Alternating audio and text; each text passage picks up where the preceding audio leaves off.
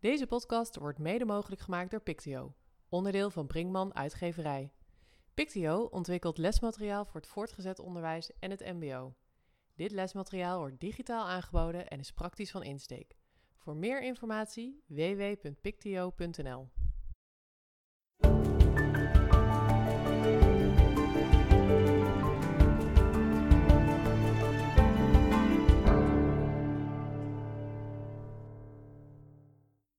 Welkom bij de Pictio Onderwijs Podcast. Welke aflevering zitten we eigenlijk, Wim? Uh, even op mijn lijstje kijken, aflevering 7. 7 alweer, oké. En uh, heel leuk voor het eerst met z'n vieren aan tafel. En waar het de vorige keer nog een beetje een verrassing was uh, welk onderwerp het was, weten we het nu zeker. Het wordt namelijk formatief toetsen ja, of formatief evalueren. Ik weet niet zo goed hoe, hoe, we het moeten benoemen.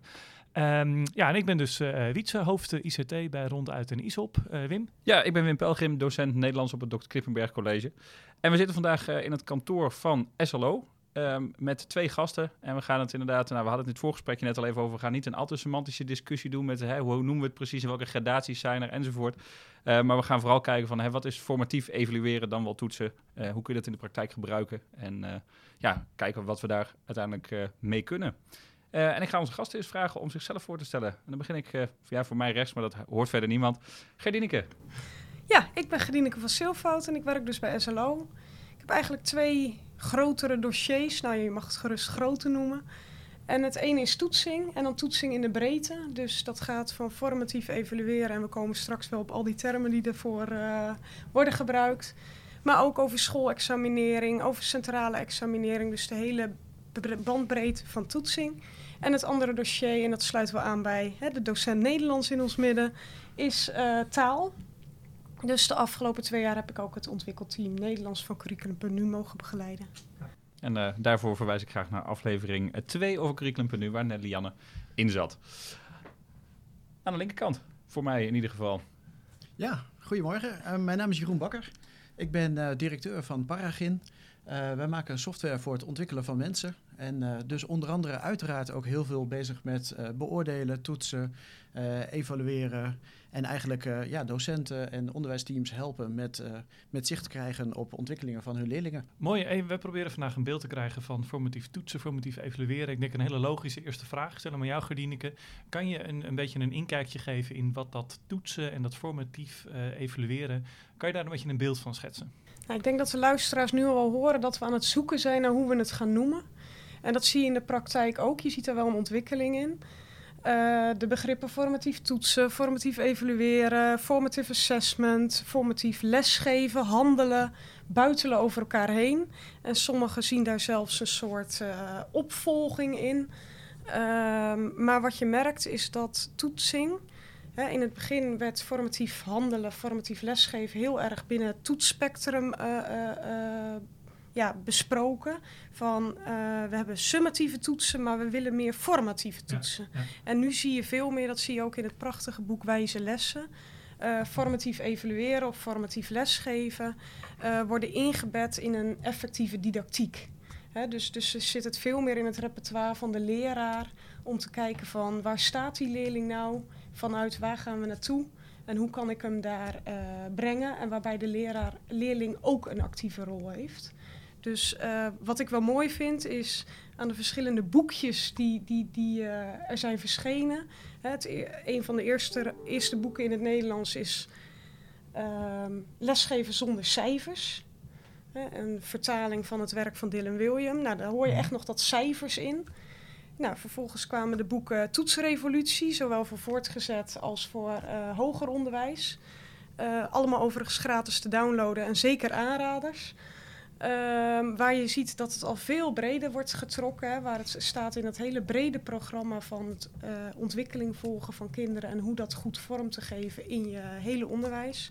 En dan zie je dat boek Wijze Lessen, wat ook gratis te downloaden is dat er twaalf bouwstenen van effectieve didactiek worden beschreven, waar je eigenlijk toch wel het ene hoofdstuk meer dan het andere hoofdstuk uh, formatief evalueren als een rode draad uh, doorheen ziet lopen als een middel om uh, leerlingen verder te helpen in hun leren. En dat vind ik een hele mooie ontwikkeling van dit onderwerp, eigenlijk het didactische middel. En ik vind het nog steeds een beetje abstract klinken.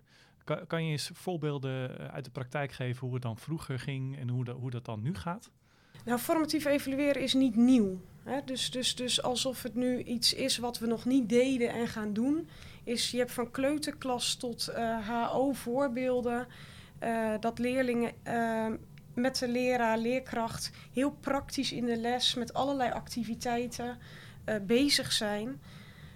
Wat wel is, is dat wat je bijvoorbeeld in het VO ziet, en daarna kom ik met wat voorbeelden, is dat als antwoord op toch wel een cultuur van cijfers geven en dat leerlingen steeds meer van een vaste formele toets voor een cijfer, de volgende dag weer één, de volgende dag weer één, hè, telkens verschillende vakken.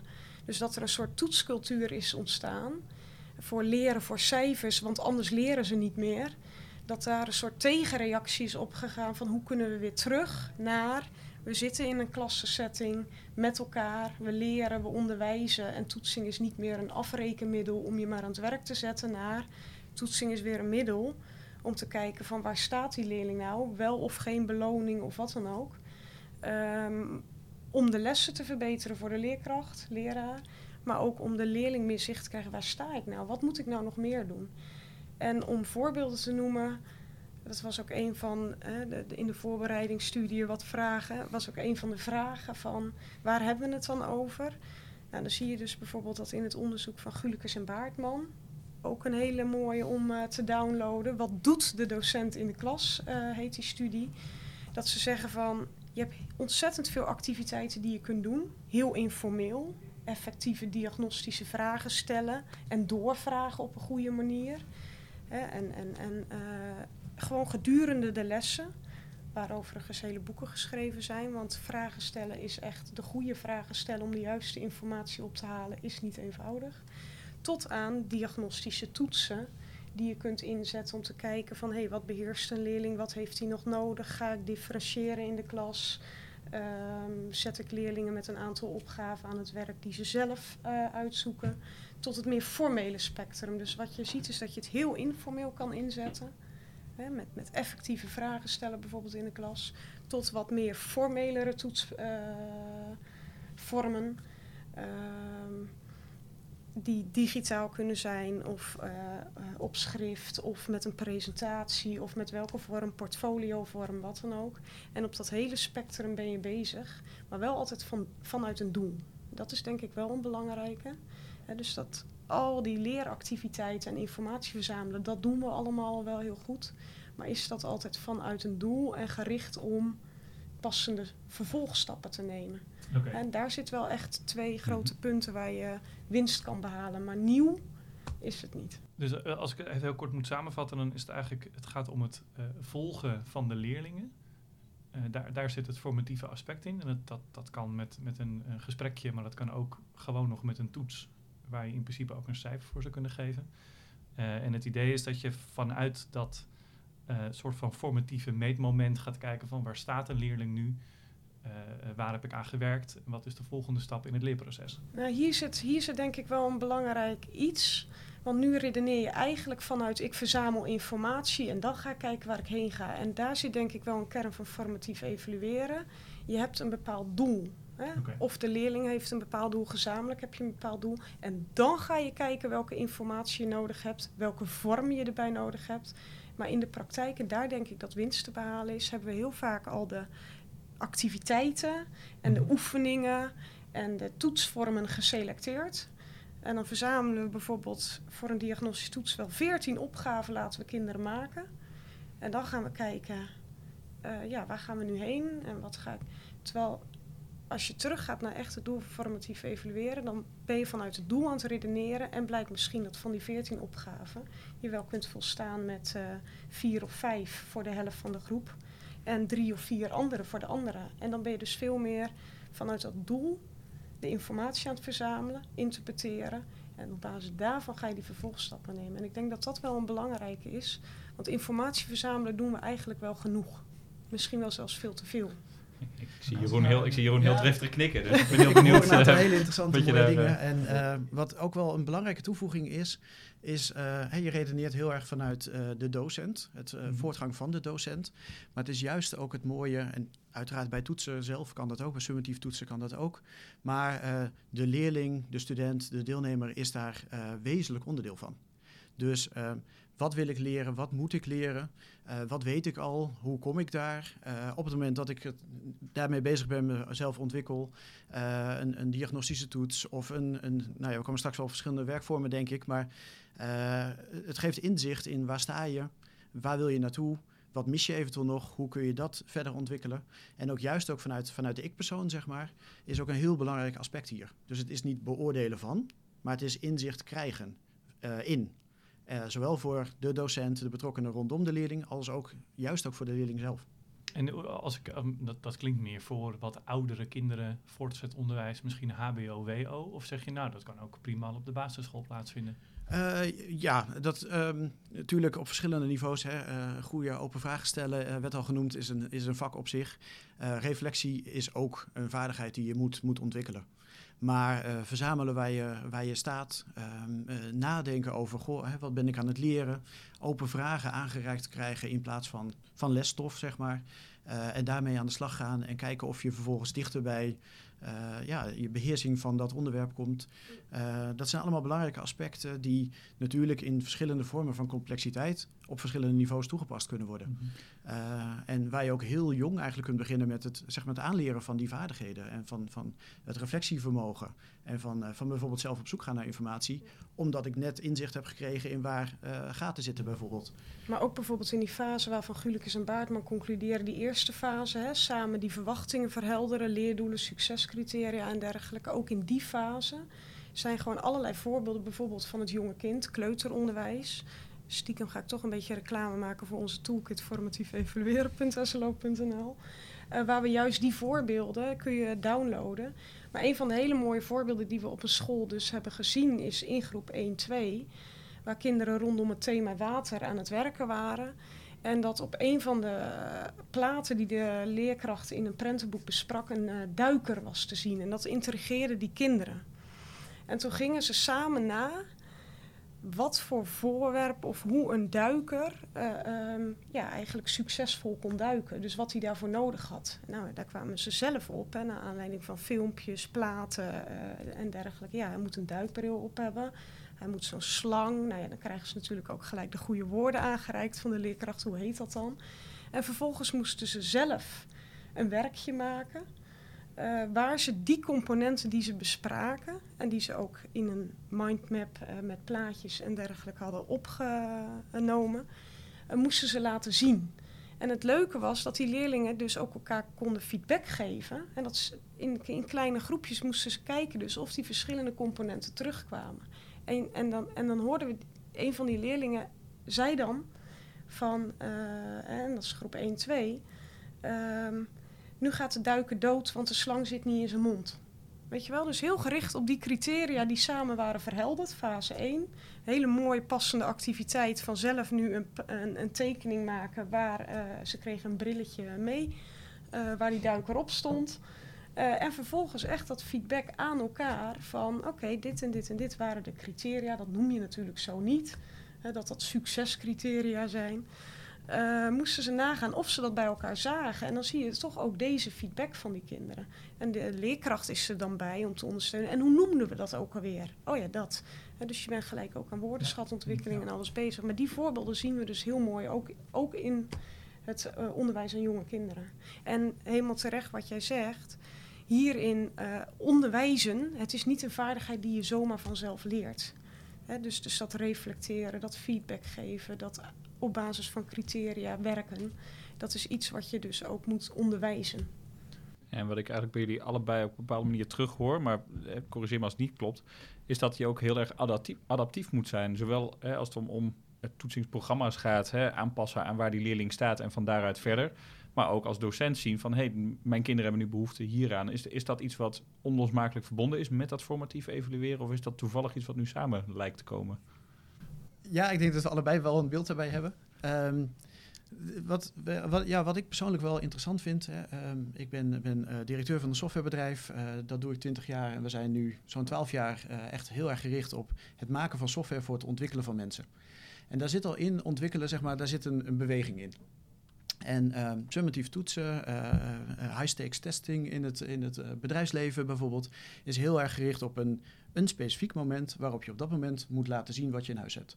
Dus eh, hè, dat, dat kun je een afrekenmoment noemen, maar eigenlijk, het is eigenlijk een sluitstuk van een ontwikkeltraject. En als je daar de focus op legt, dan krijg je dus dat dat, nou ja, dat dat heel belangrijk is uiteraard. En dat dat ook het moment is waar eigenlijk alles op gericht is. Terwijl het mooie van formatief toetsen en van, van nou ja, even los van de termen, zeg maar, maar eh, ontwikkelingsgericht bezig zijn en daar eigenlijk dit als handvat gebruiken om ontwikkeling te laten zien. Ja, dat vraagt eigenlijk dat je daarvoor iets gedaan hebt. Van waar ga je mee aan de slag? Wat wil je dan straks laten zien? Eh, wat weet je eventueel al? En kunnen we dat meenemen? Kunnen we daarop voortbouwen? Ehm, dan is er het, het, zeg maar het, het meetmoment, het formatieve meetmoment, in, in welke vorm dan ook. En bij uitstek, daar ga je weer mee verder. Daar komt feedback uit, daar komen handvatten uit, daar komen richtingen uit. Je hebt een gesprek waardoor je misschien een heel ander inzicht krijgt. Dus eh, ja, nou ja, als het daar stopt, ik heb het nu afgerond, ik ben nu klaar. Ja, dan, dan ben je dat leereffect eigenlijk daarna vrij snel weer kwijt. Dus daar wil je mee verder. En dat maakt eigenlijk dat het bijna automatisch dus een doorlopende lijn is. Eh, waarin ja, adaptiviteit logisch eigenlijk al ingebed zit. Dus, dus los van software en los van hoe je dat precies inricht. eh, het, eh, ja, je, je begint vanuit een startpunt, je ontwikkelt je, je meet of je evalueert gedurende. Eh, je stuurt bij, je eh, ontwikkelt je verder, je gaat dus in een andere richting verder. Dus eh, ja, bij uitstek dus vandaar eh, een vorm van adaptiviteit, omdat het voortbouwt op datgene wat er net zojuist gebeurd is bijvoorbeeld. En je vooruitkijkt naar waar je vervolgens naartoe wilt. En een van de dingen die ik wilde aanvullen, Dylan William die heeft ook hè, op YouTube kun je een bepaalde films van hem bekijken. En ehm, in één daarvan zegt hij ook van, om terug te komen op die adaptiviteit waar jij het net over had, van eigenlijk moet je al vanuit de beslissing die je wilt nemen of die je verwacht hè, te nemen, terugredeneren. Dus hij noemt daar heel mooi het voorbeeldje van een exit card. Hè, die wordt vaak eh, ingezet als formatief middel van aan het eind van de les om bijvoorbeeld te kijken wat hebben ze geleerd, zodat ik weet waar mijn volgende les eh, moet starten en hoe moet starten. En hij zegt, eigenlijk moet je zo redeneren van, heb ik het doel voor ogen waar ik die kaart voor wil inzetten? Dus, dus ik wil weten waar ik morgen mijn les mee wil beginnen met deze leerlingen. hey, daar kan een exit card met deze vragen mij informatie over geven. En ik denk na of ik daar de namen van kinderen op wil hebben of niet. Ehm, en op basis zo redeneer ik terug. Dus, dus, maar dat is, dat is nog wel een, een complex. En dan komen we toch weer op dat data verzamelen uit. Heel vaak zijn we bezig toch wel met continu data verzamelen. Informeel, formeel, eh, eh, high stake, minder high stake. Maar is mijn vraag, en welke beslissing wilde je ermee nemen? En op dat moment wordt daarover nagedacht. Terwijl Dylan William eh, zegt in die classroom experiment van nee, je moet vanuit die beslissing terugredeneren. Uh, en, en daar zit nog ook wel een, een ja, uh, één, een, een, het, is het is moeilijk, hè? Uh, maar tegelijkertijd kun je dan ook best wel afvragen. Volgens mij Dominique Sluismans heeft daar een mooie blog over geschreven om je curriculum op te ruimen. Nou, volgens mij zit hier juist iets moois om je curriculum op te ruimen. Welke doelen hebben we, welke beslissingen willen we nemen en wat hebben we daarvoor nodig? En hebben we dan nog wel echt alles nodig? Los van dat je niet altijd alles moet doen wat efficiënt en uh, uh, uh, passend is. En dat je zeker uitstapjes mag maken. Maar die redenering zo doen, daar zit volgens mij een sleutel om je curriculum eh, op, te, op te ruimen. Je zei net, dat heb ik goed onthouden. Ergens zijn een keer fase 1. Hè? Dat doe je in fase Ja, 1. ja, En dat klinkt een beetje alsof het hele formatief evalueren, dat je dat ook een soort van in fases kan Ja. indelen. Ja, ja, ja. Nou ja, dat is dan misschien een beetje de onderzoeker in. eh, nee, er zijn, ehm, als, je, als je naar de literatuur kijkt, dan zie je dat eh, er echt veel over is geschreven. Dat er heel veel modellen circuleren. Hè, van wat is formatief evalueren? Dylan William, een van de grondleggers, denk ik wel. Die heeft vijf strategieën. Ehm Gulikes en Baartman, daar refereerde ik aan. Die hebben een cyclus van vijf fasen. Uh, Hetty die uh, noemt drie fasen. Maar eigenlijk hebben al die modellen drie dingen gemeen. Dat ze die drie fasen beschrijven en sommigen breiden hem iets uit, maken tussenstappen enzovoort. Van fase 1, waar werkt de leerling naartoe? Mhm. Die verwachtingen verhelderen of leerdoelen en succescriteria verhelderen. Ze heten overal net wat anders. Fase 2, eh, waar staat die leerling nu? En dan gaat het echt over die informatie verzamelen, passend bij die doelen, maar ook analyseren. En fase 3 is, eh, en hoe komt de leerling op de gewenste situatie? Dus, dus dat zie je in al die modellen, het gemeenschappelijke. Ja. En sommige splitsen wat uit, anderen voegen er wat aan toe, sommigen voegen wat samen, sommigen beschrijven wat jij heel mooi noemde. De rol van de leraar, maar ook die van de leerling Ja. en van de medeleerling. En daar zie je dat modellen zich onderscheiden. Eh, Maar jeetje, eh kijk even een willekeurige klas in. En wat doen we met z'n allen? Nou, niet, niet wat jij nu net beschrijft. Dus dan, dan, ik ben wel benieuwd van, waar komt die beweging nu opeens vandaan? Ja, ik, ik, ik durf dat wel in twijfel te trekken. Het is vooral de bewustwording. eh, en waar kun je elementen verbeteren of versterken en, en, en wat doelgerichter inzetten dan dat je zegt, nou, dat zie ik echt nergens terug. Nee, maar ja, ja, nee, even heel eerlijk. In het PO, met uitzondering van misschien de Freinet Montessori, die al wat meer gericht zijn op, eh, op ontwikkeling. eh, elke school die met methodes werkt, die doet vandaag les 3 omdat we gisteren eh, les 2 deden. En nou, dan noem je, dan noem je eigenlijk de mensen die volgens een vast stramien met een methode werken. Maar ik ken oprecht heel veel mensen, leraren ook, die de methode zo niet gebruiken. Want Nou ja, alleen al als je denkt het, vanuit de doelen, op het moment dat je zo met een methode zou werken, zou die ook nooit uitkomen. Dus Ja, op het moment dat je ook. vanuit Dus- de doelen keuzes maakt, dit wel, dat niet, dit voor die leerling, dat niet, en dat doe je vanuit hè, waar werken we nou naartoe, daar zit al dat hele formatieve cyclus in. Ja. Dus, dus dat wil ik toch wel een beetje ontkrachten wat je, wat je Nee, nu ik, eh, ik hoop het van harte, maar da- ik, ik ga dan even advocaat van de duivel. Eh, werkdruk. Ik moet ook nog verkeerslessen doen. Er schijnt een of ander transgender pakket eh, eh, wat ik ook moet aanbieden. Weet je, het wordt allemaal in het onderwijs geplompt. En dan moet ik nu ook nog, hè, gevoelsmatig, moet ik nu ook nog opeens adaptief, eh, formatief evalueren en nadenken. Ik heb toch gewoon een methode. Ja. Ik, daar staan toch ook doelen in. Ik Dat vind het wel leuk om het eh, vanuit, vanuit als, als, als softwareleverancier, zeg maar. Ik vind ten eerste even, eh, je moet altijd kijken of software eh, toegevoegde waarde heeft. Want eh, heel veel vormen van vragen, nadenken, open vragen stellen aan een klas bijvoorbeeld. Ja, dat doe je ook gewoon in een normaal gesprek. En we hebben nu ook, hè, er staan hier wat laptops op tafel, maar we zijn een gesprek aan het voeren. We kijken elkaar aan en we hopen dat de luisteraars naar ons luisteren, zeg maar. Dus eh, niks ICT wat dat betreft. Dus ehm, het, heeft mij altijd een beetje verbaasd, zeg maar. Eh, wij hebben altijd heel veel in onze software bijgehouden. Hè? De mensen kunnen ons kennen van, van Remindo-toets, eh, dus digitale toetssoftware, formatief, summatief. Overigens een kleine zijstap. Remindo komt van reminder en to remind. Juist onze allereerste stappen hierin waren eigenlijk tussen lessen door een e-mailtje, de reminder sturen, om te kijken van wat was er nou net behandeld en is dat blijven hangen. En om één of twee vragen daarin te stoppen die alvast over de volgende les gaan, zodat een docent of een trainer voorbereid is, eh, dus de volgende les of de volgende training, voorbereid is van nou, is het een beetje blijven hangen of moet ik voor bepaalde mensen of voor misschien zelfs de hele groep bepaalde onderwerpen terug laten komen. Of en eh, voor mijn volgende les, wat weten ze al? Hoe zitten ze alvast in de materie? En kan ik daarop doorbouwen of moet ik echt aan het begin beginnen? Dat was ons allereerste begin. Nou, daar zijn portfolio's bijgekomen. Daar is het erkennen van verworven competenties bijgekomen. Eigenlijk allemaal manieren van in kaart brengen, eh, ja, doorbouwen, zeg maar. Kijken wat er, in, wat, er, wat er in huis is eigenlijk. En eh, gekoppeld aan ambities van waar wil je naartoe. En eh, we zijn eigenlijk groot geworden in het MBO, in het competentiegericht onderwijs. Waar zeker toen even heel erg gesproken werd van eh, kennistoetsing, dat gaan we niet meer doen. Dat zit er eh, zeg maar holistisch in. We gaan ons richten op competenties, eh, eh, beroepsgericht. Ja, als iemand een radiator kan, kan ophangen, ja, die moet recht hangen natuurlijk. maar ook de juiste gereedschappen moeten gebruikt zijn. Dat moet veilig zijn gebeurd. En je wilt ook niet met je moddervoeten binnengelopen zijn. En je wilt de, de klant, de opdrachtgever, ook gedag gezegd hebben. Dus we gaan dat heel holistisch benaderen.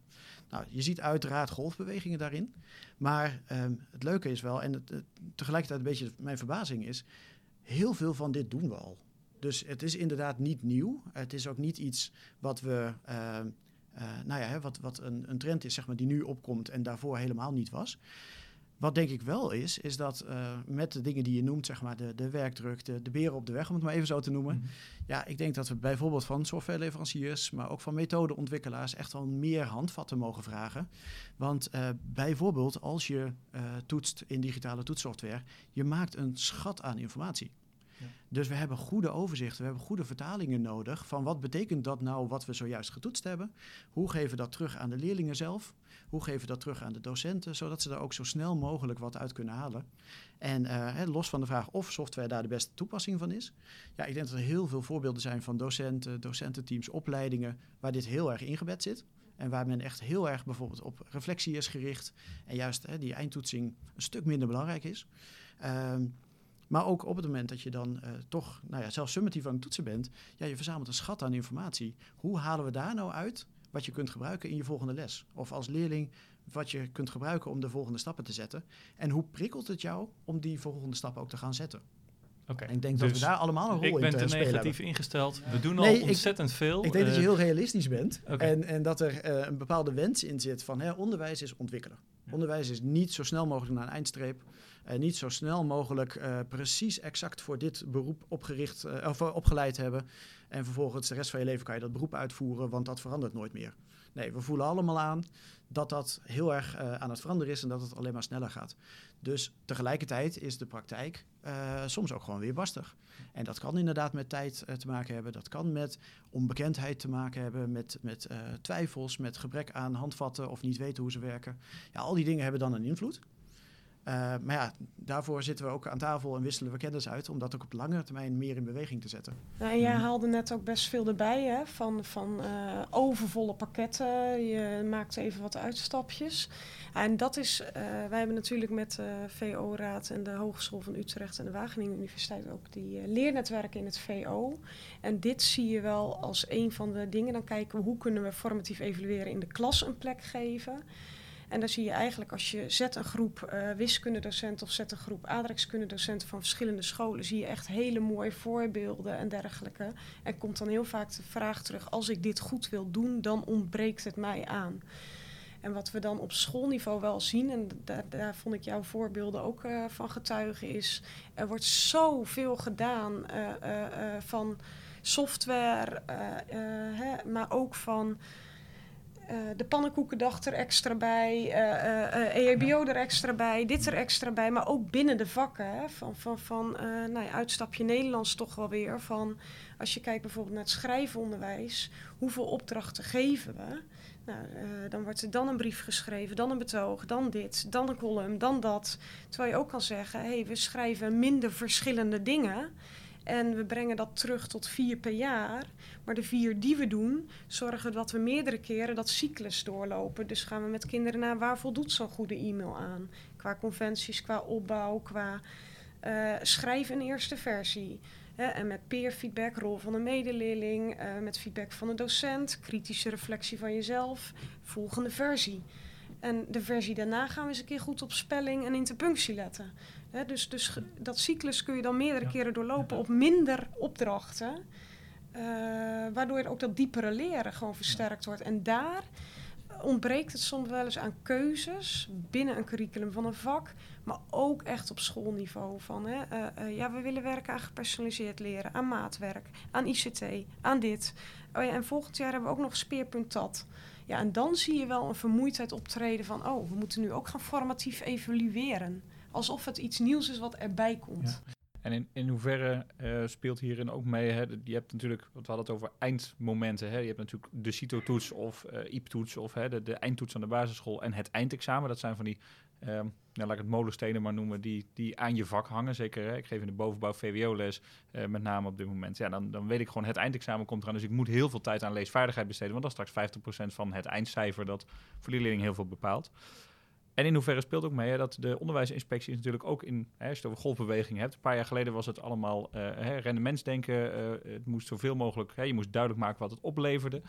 Waar nu het hele toetsingskader vanuit de inspectie meer gaat naar er moet een kwaliteitscultuur zijn. Je moet zelf heel bewust keuzes maken. Hè, en op het moment dat je afgerekend wordt op de kale cijfers, ja, dan ga ik gewoon zorgen dat mijn methode uit is, want dan heb ik alles afgedekt. En als ik vanuit kwaliteitscultuur moet gaan kijken, ja, dan durf ik misschien ook veel meer eigen keuzes daarin te maken. Dus in hoeverre hè, dat krachtenveld hoe zie jij dat, uh, kijk Gerdineke met name even aan, dat dat op elkaar ingrijpt ook? Nou, je ziet ook inderdaad wel, ook echt wel ontwikkelingen op landelijk niveau. Hè. Ik denk, uh, wat jij zegt klopt, hè, naar aanleiding van tegenvallende PISA-resultaten enzovoort. Jaren geleden werd er dan uh, zo'n actieplan, hè, beter presteren, in het leven geroepen. Ging heel erg op opbrengstgericht werken. Ja, dat was de ik eigenlijk, precies, eigenlijk bedoelde. in.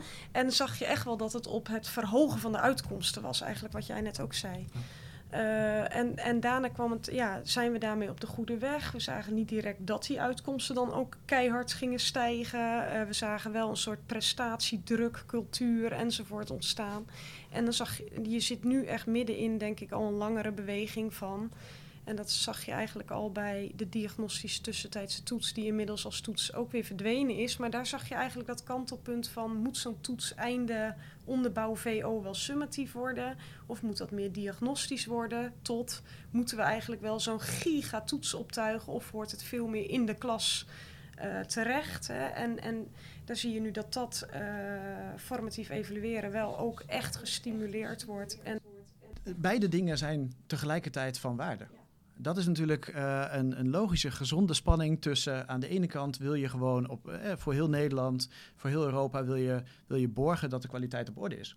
Hè, het gaat om, om leerlingen, het gaat om jongens en meisjes die aan het begin van, van hun, hun uh, nou ja, ontwikkelloopbaan staan, zeg maar, die, die tot ver nou ja, naar hun pensioen zeg maar, zou moeten doorlopen. dat is zo'n belangrijke fase. Daarin kan zoveel zeg maar, gestimuleerd worden en ook zoveel afgestomd worden.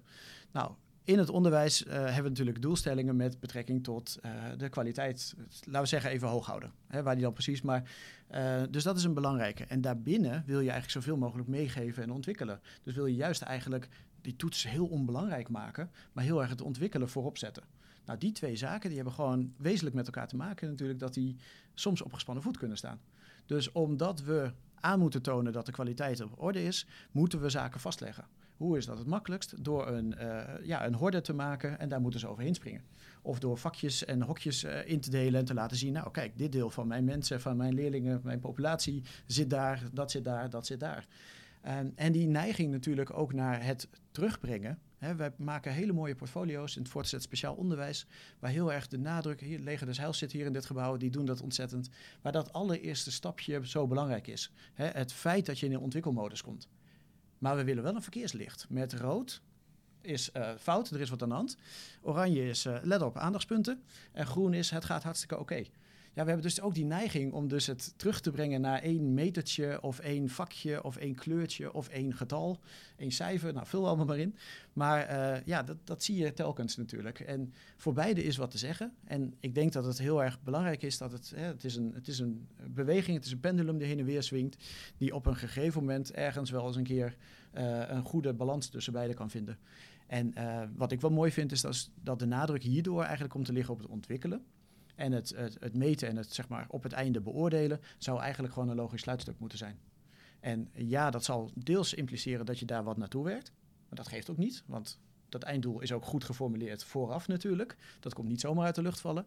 Maar ook dat je dus al die tijd daar naartoe aan het werken bent en dus daar de nadruk op legt. En ik denk dat dat uh, uh, ja, een belangrijke winst is van in ieder geval dit soort gesprekken en van dit onderwerp op de agenda hebben. En wat ik al zei, niet direct uh, zo snel mogelijk naar de eindstreep of zo ja, eng mogelijk proberen op te leiden voor de arbeidsmarkt en voor dat kokertje waar, ze, waar nu op dit moment vraag naar is bijvoorbeeld. Ja, daar schrok ik ook van. Heeft over krantartikelen een paar weken geleden een mbo-directeur die begint en zegt... nou, Engels kunnen we er wel uitgooien bij het mbo... want dat hebben ze toch niet nodig als ze bakker worden. En dan, ja, dat zijn de momenten waarop ik dan schrik en denk... ja, maar dan zijn we dus heel eng aan het opleiden voor het, het beroep van overmorgen... en wat er volgende week gebeurt. Dat, en het, het bedrijfsleven vraagt daarna, dus uh, hè, dat is volstrekt logisch... dat zij eigenlijk gewoon goede mensen nodig hebben die eigenlijk nu het werk aankunnen, want we hebben nu mensen nodig. Dit heeft ook met uh, krapte op de arbeidsmarkt te maken. En op het moment dat er ergens in de toekomst weer een crisis aankomt, dan voedt dat dit verhaal ook juist weer op een andere manier. Wat je wel ziet nu is dat we natuurlijk, we stappen een stap verder als het goed is. Even los van een paar voorbeelden. Maar uh, naar 21e eeuwse vaardigheden, naar voorbereid zijn op de toekomst. Naar een arbeidsmarkt die steeds meer verandert. Zoals je hoort doen we ook veel in het mbo en hbo uh, uh, vanuit onze organisatie. dat zit wat dichter eigenlijk op de uitstroom naar de arbeidsmarkt. Ja, de wereld verandert telkens. En ik ben een groot voorstander van uh, mensen die heel lang bij een organisatie werken. Dat ben ik zelf, dat zijn medewerkers bij ons. Uh, dus het hoeft niet hè, dat jobhopperige per se, maar wel, ja, de wereld verandert. Onze organisatie nu is anders, letterlijk anders dan vijf jaar geleden en tien jaar geleden. Wij deden andere dingen, we hadden het over andere onderwerpen, we hadden andere gesprekspartners. En uh, dat krijg je alleen maar meer. daar moeten we jongens, meisjes, leerlingen, studenten op voorbereiden.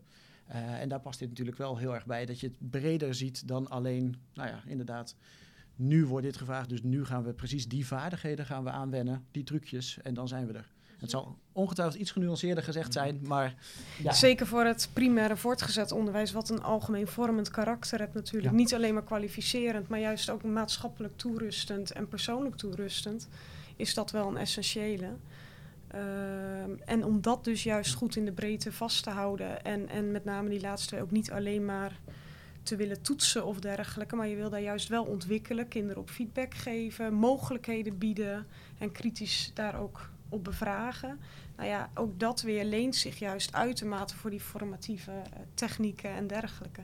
De, wat ik met je hoor is die ontwikkelmodus. Hè? Dat geldt voor de, voor de leerling en voor de leerkracht. En ik hoor daar een aantal dingen, zegt uh, um, uh, de afrekencultuur, die na een tijdje ontstaan is door dalende resultaten, heeft niet bijgedragen aan uh, ja, die, die ontwikkelcultuur.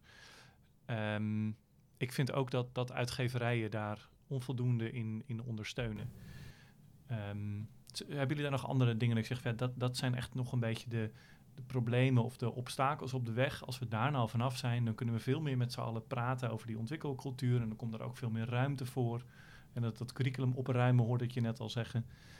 Uh, zien jullie daar nog andere um, ja, bewegingen, zeg maar, die juist tegenwerken of juist bijdragen?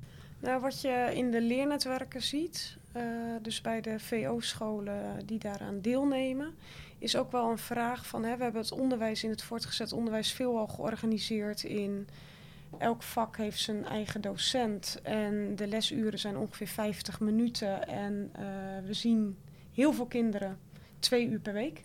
Mm -hmm. Uh, en als formatief evalueren iets is waar juist die relatie tussen leerling, medeleerling en leraar zo essentieel is. Ja, wat kun je dan? Hè? Uh, wat stel je dan voor? Ehm, nou, en dat je dus de. Ik, ik denk dat er niet één manier is om voor te stellen, maar dat je dus een aantal scholen ook ziet van hé, hey, maar als we dit willen en dit willen we goed doen en dat cyclus willen we het liefst zo kort mogelijk op elkaar, hè, want hoe langer feedback duurt dat je het geeft, hoe minder effectief het is. Hè, want dan ben je alleen al aan het nadenken, wat hebben we ook alweer een week geleden gedaan. Uh, als je daar over die vragen nadenkt en je wil dat meer bewerkstelligen, dan zie je een aantal scholen die zeggen: hé, hey, past daar nog wel zo'n 45, 50 minuten rooster bij. Ja. Hè, dus de structuur van, van je, je organisatie eigenlijk.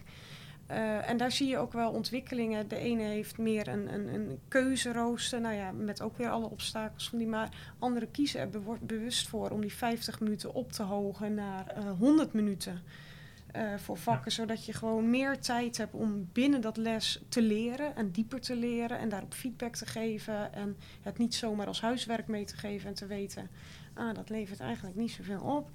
Hè, en, dus en dat zie je echt wel op scholen. Ik zeg altijd, ga niet zomaar klakkeloos het rooster omgooien en dan bedenken waarvoor je het altijd nodig hebt. Maar je ziet dus dat deze scholen worstelen met het vraagstuk: hey, formatief evalueren vraagt die relatie tussen leerling-leraar, die dialoog. Uh, hè, want, want je kunt het niet alleen maar met tools oplossen. Dan heb je juist over de resultaten die daaruit komen het gesprek met elkaar nodig. Ja, als dat niet kan binnen de huidige structuur, dan moet je daar wat mee. En ik ben ook wel benieuwd naar hoe technologie uh, ja, misschien ook juist tegenwerkt of aan de andere kant juist bij kan dragen. Hoe, hoe, hoe zie dat? Uh, ja, dat beide dus. Uh, logisch natuurlijk. De vraag zo stellen is hem eigenlijk ook dan ja, beantwoorden. Nee, uh, ja, precies, uiteraard. Nee, ik zat net even te denken toen ik, toen ik dit hoorde van er is een, een ROC, ROC A12. even een praktisch voorbeeld en ze vinden het zeker niet erg dat ik hierover praat. Bij welzijn was eigenlijk geen grote educatieve uitgever. Dus er was eigenlijk geen methode. Dus denk aan maatschappelijke zorg bijvoorbeeld. Uh, dus er is een team uh, heel erg uh, zelf gaan ontwikkelen. en vanaf het begin zijn ze gaan denken in leertuinen. In de studenten, de deelnemers, het zijn mbo-studenten, deels dus van het ja, doorstroom van het onderwijs, zeg maar, HAVO, VWO, maar ook zij-instromers, dus mensen die al werkzaam zijn en nu bijvoorbeeld voor een, een bepaald diploma toe willen. Om eigenlijk uh, vanuit plannen van aanpak te gaan werken. Om uh, zelf je, je leerdoelstellingen eigenlijk uh, te formuleren op basis van het kwalificatiedossier. Dus uh, dat is vertaald naar hè, wat, wat ga je leren, wat gaan we straks van je vragen, wat moet je straks aantonen. Maar hoe past dat bij jouw praktijk? Hoe past dat, hè, welke interesses heb je hierbij? En als je dit zo leest, welke vragen heb je zelf al? Uh, welke bronnen zou je daarvoor kunnen bevragen? Hè, ga je naar het museum, ga je mensen interviewen? Nou, heel erg vanuit een, een, ja, een, een, aanpak vanuit jezelf, zeg maar.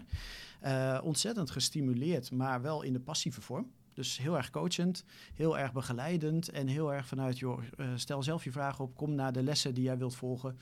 Uh, tuurlijk, zitten allerlei rekensommen achter dat het verantwoord is en dat het geborgd is. Um, je ziet overigens daar heel erg, en dat is misschien wel een mooie, um, dat ICT daarin ondersteunt. Uh, door uh, het te faciliteren, het inschrijven mogelijk te maken, voortgang inzichtelijk te maken. In dit geval de beroepspraktijk erbij te halen. Uh, dat draait ook meteen om dat de beroepspraktijk massaal naar dit ROC toe gaat. Mm -hmm. Dus ook hè, de, op directieniveau is men daar zeer blij mee. En, en, ook het ministerie is al langs geweest van nou, hoe doen jullie dit, hoe pak je dat aan? En daar is ICT heel erg dienend. Ja. Dus het is daar niet mee begonnen. Het begon ook niet met kijken naar de knopjes en de functionaliteit. En oh, wauw, als dit kan, dan ga ik nu mijn onderwijs vormgeven. Uh, dus het is begonnen vanuit de visie en daar ja. de juiste software bij gezocht. Tegelijkertijd, dit is een traject van vier, vijf jaar nu en het is nog lang niet klaar. Is ook als je het hebt over bijvoorbeeld educatieve uitgevers, als je het hebt over de CITO-toets, de IEP-toets. Het zijn prachtige instrumenten die uh, voor een deel al een hele lange voorgeschiedenis hebben. Dus ook logisch dat ze op een bepaalde manier zijn ingericht natuurlijk. En uh, dat, dat dit een langdurige ontwikkeling is die veel vraagt van de docenten, van de mindset van de leerlingen. Nou, die voeden wij met z'n allen natuurlijk, daar, daar helpen we mee. Uh, van, van ICT en, en uh, ja, internet, computers, van lesmethodes. Dat al die zaken hebben met elkaar te maken natuurlijk. En nou ja, vanuit mijn visie, zeg maar, ICT kan daar heel erg dienend in zijn. Maar het moet niet het startpunt zijn. Het is, het, het, je moet niet een pakket aanschaffen wat zegt: hey, koop ons. Dan kan formatief evalueren. Kan je eigenlijk niet. Zeg maar. Het kan je inspireren natuurlijk tot mooie ideeën. Ja, en uh, als je wat aangereikt ziet en, en, mooie voorbeelden van anderen, ja, leer van anderen. Uh, we doen dit niet voor de eerste keer, zeg maar. En, en jij als docent doet dit niet als eerste in je eentje. Dus leer absoluut van anderen. Maar inderdaad, uh, het begint wel vanuit de visie, omdat je juist op al die assen moet je hier mee aan de slag willen gaan. Dus als je als docent het heel prettig vindt om gewoon de methode, hoofdstuk na hoofdstuk, even heel erg chargerend, maar hoofdstuk na hoofdstuk na hoofdstuk, en op het juiste moment dat het voorgeschreven is, de juiste toetsen doen. Ja, als jij heel erg vanuit die gedachte jouw geschiedenisles aan het inrichten bent, ja, dan is dit een hele grote stap. Ik ja. wil nog wel op die visievorming uh, reageren, want jij zei net van, uh, ja, dan past wel of niet ontwikkeling van kinderen erbij. Uh, nou, ik ben nog geen visie, hè, want je ziet ze altijd op de schoolwebsites. Uh, tegengekomen waar dat woord en willen leren, willen ontwikkelen en dergelijke niet valt. Hè. Dus, dus scholen die het ofwel heel strak inrichten, maar last hebben van een toetscultuur, hebben zo'n mooie visie erboven hangen. Als scholen die daar juist heel erg uh, formatief invulling aan geven. En wat we dus ook in de leer leernetwerken steeds proberen te stimuleren, is ja, mooi, zo'n hele abstracte visie waar niemand last nog gemak eigenlijk van hebt. Concretiseer dat nou eens. Wat wil je dan concreet van je collega's zien? Wat wil je concreet van je ja. leerlingen zien? En wat wil je concreet aan gedrag in de klas dus zien? En dat is een stap die men heel lastig vindt. En want jij noemde net dat voorbeeld van dat ROC, waar uh, studenten leerdoelen moeten formuleren. Maar dat is iets waar je het over moet hebben. Willen we zo ver gaan dat kinderen leerdoelen gaan formuleren? Dat maakt niet per se iets formatief of niet. En het kan heel goed zijn dat de school zegt, nou, uh, zo ver gaan wij niet. En toch prachtig formatief onderwijs in hoe ze uh, uh, hun hele cyclus in elkaar zetten. En wat leerlingen, medeleerlingen en leraren aan gedrag laten zien. En dat is telkens het gesprek wat je op scholen moet voeren. En daar denk ik nog wel dat een grote stap te winnen is in dat concretiseren. Want dan kom je er misschien achter, wij willen helemaal niet met het team en met de ouders en de leerlingen. Dat, dat kinderen zelf, terwijl ze nog amper voorkennis over onderwerp hebben, leerdoelen gaan formuleren en ieder zijn gepersonaliseerd curriculum, bla bla bla bla.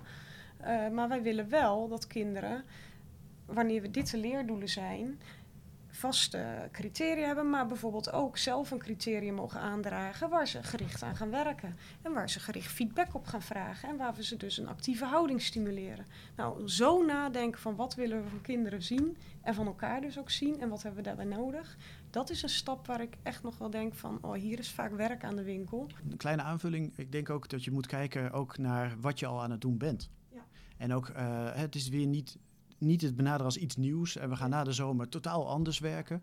Maar heel erg ook de nadruk leggen op wat, wat al natuurlijk voelt, wat je al doet. En uh, zo hebben we een voorbeeld van een VSO-school die, die uh, onder druk van de onderwijsinspectie echt wel wat te bewijzen hadden over hun rendementen. Uh, maar eigenlijk deden ze dat al. Alleen het, het was onvoldoende inzichtelijk en ze wisten niet dat die waarde er eigenlijk in zat. Nou ja, daar vanuit de ICT heb je dan logische gedachten natuurlijk met, met ja, je hebt data, dus daar moet je wat mee kunnen doen.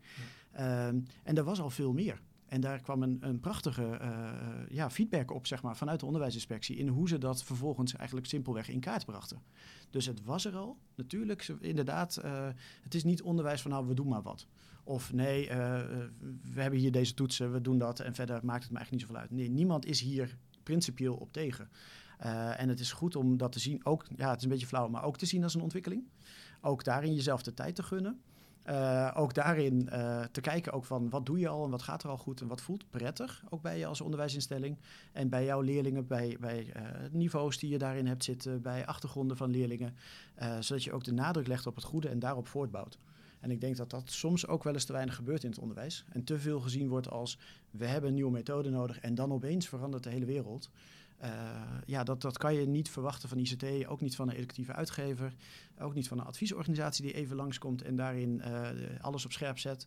Nee, dat, dat is iets wat, wat ja, onderdeel moet worden van je denken. Ik begon natuurlijk met, weet je, wat, wat zijn nu de drempels en obstakels? En ik hoor daar visie naar praktijk en dus ook dan durven je organisatie anders in te richten. Ik hoor daar ook kies technologie die ondersteunt aan het proces en niet van, oh, het is zo'n mooi systeem, dat gaan we, dat kiezen we. Um, en, en tijd hoor ik, hoor ik toch ook weer van, hè, je moet jezelf ook als school wel de, de, de tijd geven om überhaupt die ontwikkeling in gang te zetten.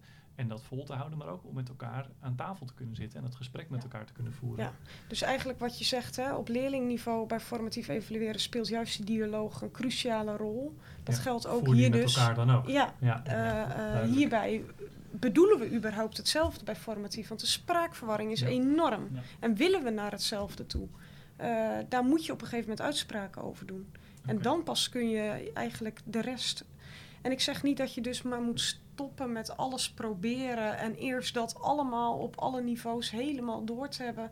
Want dan kom je uit bij er gebeurt al heel veel moois. Dus Ja. ook juist die voorbeelden ophalen binnen de school. Hè. Dus, dus, dus dan kom je ook weer bij die leercultuur uit.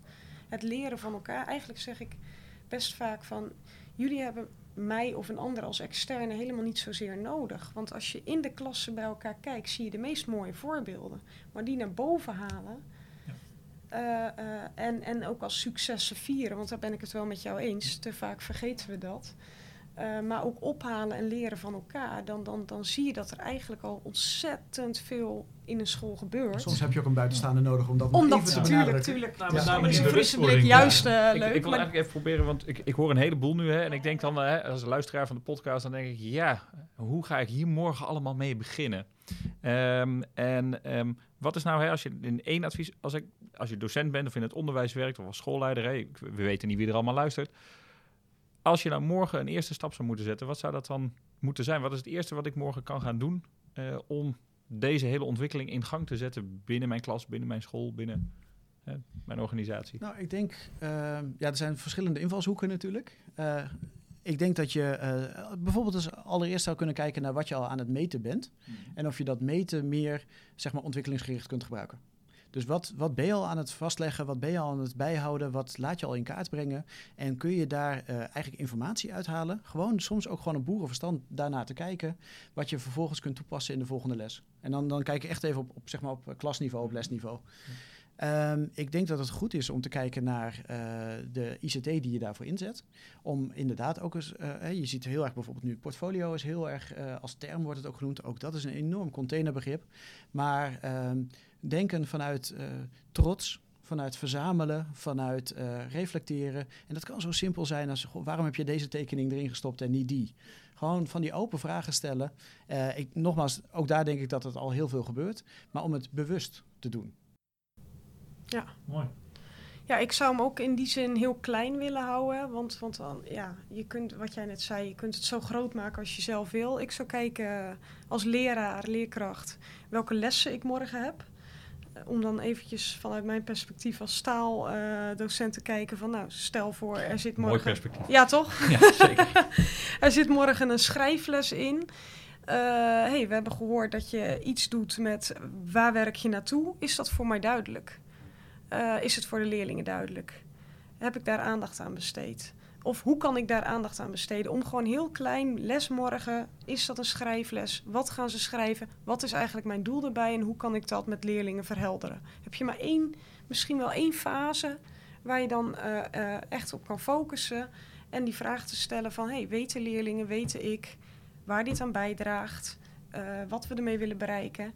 En weten leerlingen wat ze moeten doen om straks een mooie brief aan de groep achters van eh, vorig jaar of, of de eerste klasses van komend jaar eh, te schrijven, om het maar zo te zeggen.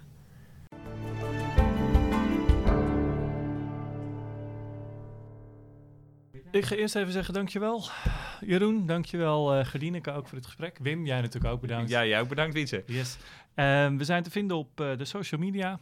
Eh, ik ben altijd heel slecht met alle namen mm, goed zeggen. Ja, we, zit- we zitten op eh, ehm, eh, Twitter, Onderwijscast. ehm, Instagram, het Onderwijspodcast. Eh, er is een LinkedIn-groep en er is een Facebook-groep. Eh, en daar zou ik gewoon even lekker naar zoeken, want dat zijn van die hele lange URL's waar ik ook het adres niet precies van weet.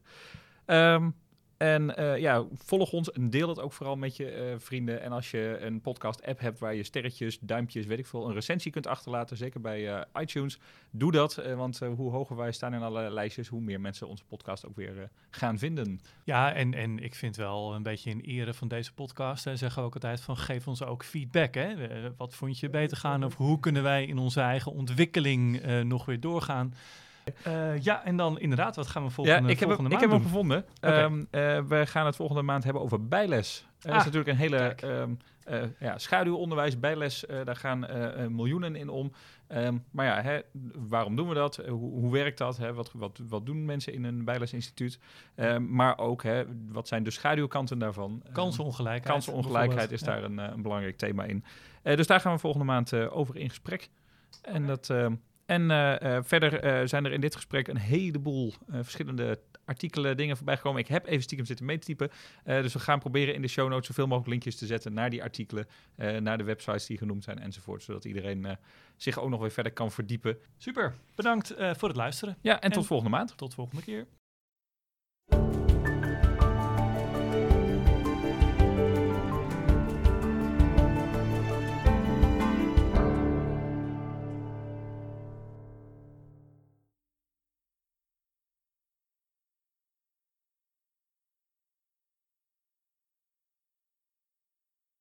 Deze podcast wordt mede mogelijk gemaakt door Pictio. Voor meer informatie www.pictio.nl